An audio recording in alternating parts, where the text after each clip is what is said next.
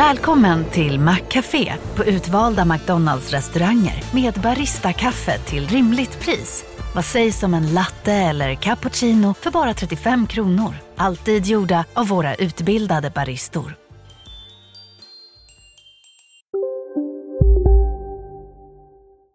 Hej och välkomna till Lisa läser. Det är jag som är Lisa. Och idag ska jag läsa Ett fall för Nalle och del 5. Nalle satt vid köksbordet och åt filmjölk när Robert klev in genom dörren. Tjena Nalle, hur går det med deckarbyrån? Inget vidare Robert. Det är ganska dött faktiskt. Inte ett fall på flera dagar. Robert slog sig ner vid bordet. Har du tjänat några pengar då, Nalle? Så du kan köpa förstoringsglas och nyckel och allt det där du pratade om. Nalle slickade omsorgsfullt ren filmjölkstallriken och ställde ner den på bordet. Inte så värst mycket tyvärr. Några kronor hit och dit och småsaker bara. Vad jag behöver nu är ett riktigt ordentligt, ganska besvärligt fall som kan ge mycket pengar. Robert såg bekymrat på sin kamrat. Han önskade att han kunde hjälpa honom. Men trakten vimlade inte precis av tjuvar, rånare och annat. Och egentligen var ju det ganska tur, tänkte Robert. Han fick en idé. Nalle, jag tror jag kan ordna ett fall åt dig. Hur då? Nalle bet i en ganska torr bulle. Jag kan till exempel ta något från någon, sa Robert ivrigt. Juveler till exempel. Och sen får du jobb med att lösa fallet. Och så visar jag dig vart juvelen är och så får du belöning. Nalle skakade på huvudet. Nej, Robert, det går inte. Deckare får inte luras. Då är de inga riktiga deckare. Vad synd, Nalle. Jag tänkte bara... Robert såg besviken ut. Det bästa skulle nog vara, sa Nalle med munnen full av bulle. Om man bara sådär av en ren slump liksom snubblade över något fall. Något mystiskt alltså. Vet du något mystiskt, Robert? Robert funderade. Nu vet jag, Nalle. Det är till exempel mystiskt med igelkottar. Igelkottar? Hur då mystiskt? Nalle såg förvånad ut. Att eh, de är så där taggiga, sa Robert stolt. Nalle suckade. Robert var inte så klyftig. Men så var han också bara en robot. Det är ganska mystiskt, Robert. Men inte precis något fall. I alla fall inte något som man kan tjäna pengar på. Robert tänkte så att det brummade i hans lilla huvud. Till slut lyste han upp. Nu vet jag. Du menar något mystiskt i stil med ett mystiskt hus som lyser om nätterna på ett mystiskt sätt. Det låter inte så värst mystiskt, Robert. Det finns många hus som lyser om nätterna. Ja, men det här huset är brunt. Och så låter det också om nätterna. Så här låter det. Kabong, bom, kabong, bom, kabong, bom, kabong. Var ligger huset? avbröt Nalle, som såg lite mer intresserad ut. Det ligger ganska långt bort, förklarade Robert. Man går till vänster vid soptunnan och så över bron och ner för backen och sen till höger in i skogen och vi sticker dit och undersöker saken, avgjorde Nalle.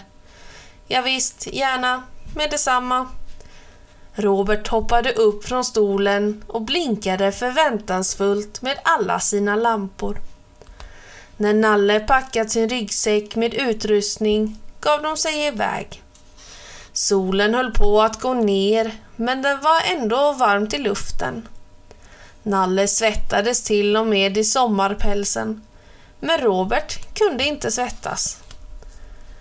Det var långt att gå. Robert hade lite svårt att komma ihåg vägen, så det blev en del omvägar. De gick över bron som gick över ån, upp för en lång backe och till vänster vid soptunnorna, som Robert hade sagt. Sedan kom de in i en tät skog som mest bestod av buskar och det var svårt att ta sig fram och Nalle tyckte att det verkade som om de mest gick runt i cirklar. Men plötsligt stannade Robert. Här någonstans är det, Nalle. Här? Här är ju bara en massa buskar och myggor. Jag sa ju här någonstans, Nalle. Du kanske bara luras, fnös Nalle. Om det där mystiska huset, det kanske inte finns överhuvudtaget. Nalle var trött och svettig och myggorna höll just på att kasta sig över honom eftersom de känt den goda lukten av trött och svettig Nalle. Luras jag? Robert blev upprörd. Jag kan inte luras. Det kan inga robotar. Vi talar alltid sanning. Kanske det, tänkte Nalle. Robert är nog inte tillräckligt klyftig för att kunna ljuga. Dessutom är han faktiskt väldigt snäll. Nu vet jag, Nalle. Hitåt är det. Robert trängde sig fram mellan buskarna och Nalle trängde sig efter. Det började skymma och mörkret tätnade inne i skogen. Plötsligt tog Robert tag i Nalles arm.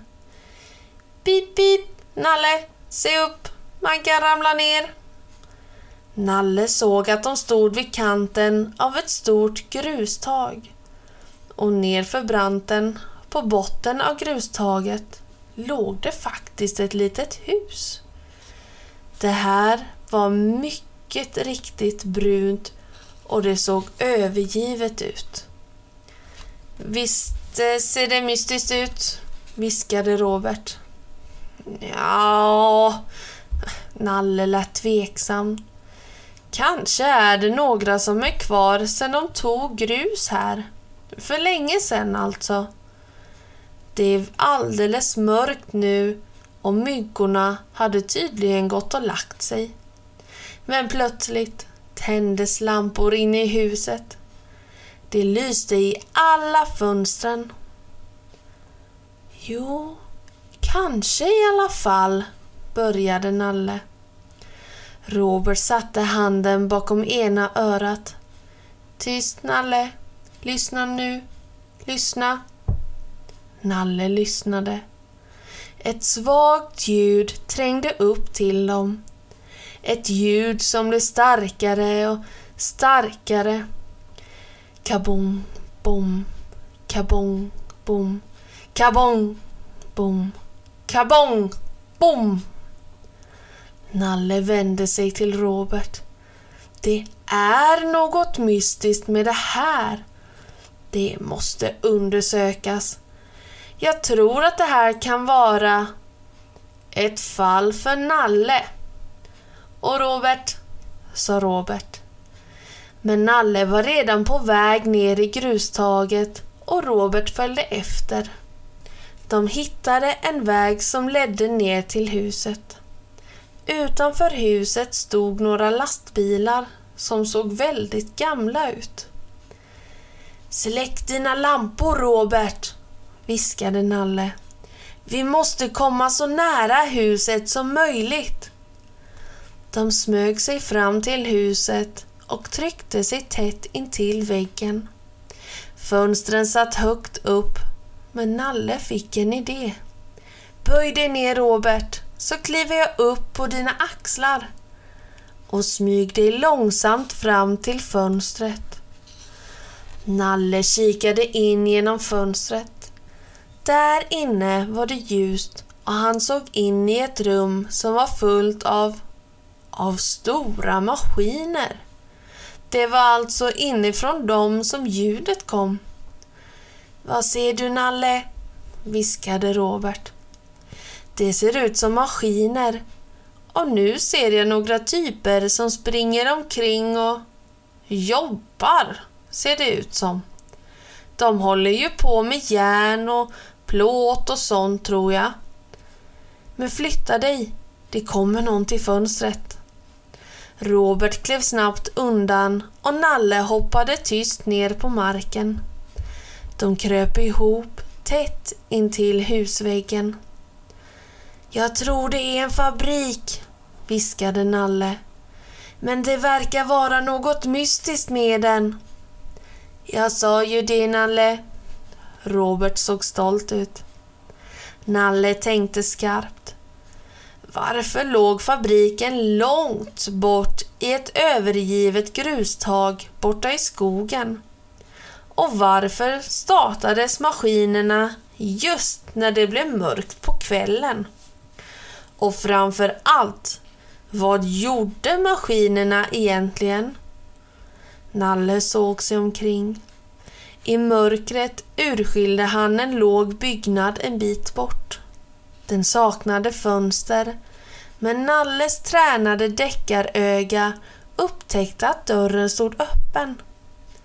Nalle bestämde sig för att byggnaden borde utforskas. Han viskade några ord till Robert och började åla sig fram på marken i riktning mot den låga byggnaden. När de väl var framme smög de sig snabbt in genom den halvöppna dörren. Det var mörkt där inne. Och nu kom Roberts lampor väl till pass. Tänd lamporna, Robert, brummade Nalle. Fast ta de svaga. Vi får inte bli upptäckta. I skenet från Roberts lampor såg de att byggnaden tydligen var något slags lager eller magasin. För överallt stod lådor, större och mindre trälådor som var staplade i högar nästan ända upp till taket. Nalle kikade ner i en låda som var öppen. Robert, lys ner här! Nalle flämtade till. Det var det värsta. Lådan var fullpackad med pistoler. Svarta, blanka och tydligen alldeles nya. Nu förstår jag vad de där maskinerna gör, sa Nalle långsamt. De undersökte flera lådor. Några av dem innehöll ännu fler pistoler. Andra var fulla av olika sorters gevär och bössor och i en stor låda låg något som såg ut som plåtburkar. Robert tittade frågande på Nalle. Granater, Robert. Bomber och sånt där, du vet. Är det mystiskt, Nalle? Nalle skulle just svara när det hördes ett oväsen utanför. De gömde sig snabbt bakom en trave med lådor och Robert släckte sina lampor. Men inget hände. Efter en stund slog en dörr igen. Antagligen i det bruna huset. Nu sticker vi, viskade Nalle. Det kan vara farligt att stanna här. Farligt, Nalle? Varför det? Jag vill titta mera. Nej, Robert. Kom nu. Jag tror att fallet redan är löst. Nalle smög sig ut ur huset, tätt följd av Robert. De ålade sig fram till vägen som ledde upp ur grustaget och sprang sedan så fort de kunde. Inte förrän de var ända uppe på kanten stannade de och sjönk ner bakom några buskar för att pusta ut. Där nere lyste det fortfarande i fönstren på det bruna huset och maskinerna fortsatte sitt entoniga, hårda dunkande. Visst var det väl mystiskt? flämtade Robert. Ja, väldigt. Men nu måste vi skynda oss till polisen. Polisen? Varför då, Nalle? Fattar du dåligt, Robert? Jag... Jag menar, vi... Vi har löst fallet. Och nu måste polisen ta hand om resten. Du såg ju vad som fanns i lådorna, Robert. De gör vapen i den här fabriken. Sådana man kan döda folk med, Robert. Det är livsfarliga grejer. Robert såg fundersam ut. Jaså, sa han långsamt. Det var därför... Just det, sa Nalle allvarligt. Det var därför de valde det här gamla huset långt borta i skogen. Jag anade genast att det var något förbjudet som pågick här. Och jag hade rätt. Eller hade jag inte, Robert? Fast det var jag som... Började Robert. Det är klart, avbröt Nalle. Det var du som tipsade mig om det här mystiska fallet. Men nu är vårt jobb avslutat. Kom så sticker vi hem och telefonerar. Nästa dag var Nalle och Robert på första sidan i tidningen. Det var en bild på båda två och över bilden stod det med stora bokstäver Nalle och Robert avslöjar hemlig vapenfabrik. Och under bilden stod det med mindre bokstäver Den klipska deckaren Nalle och den modiga roboten Robert avslöjade igår en hemlig fabrik där man har tillverkat vapen. Polisen har tagit de skyldiga.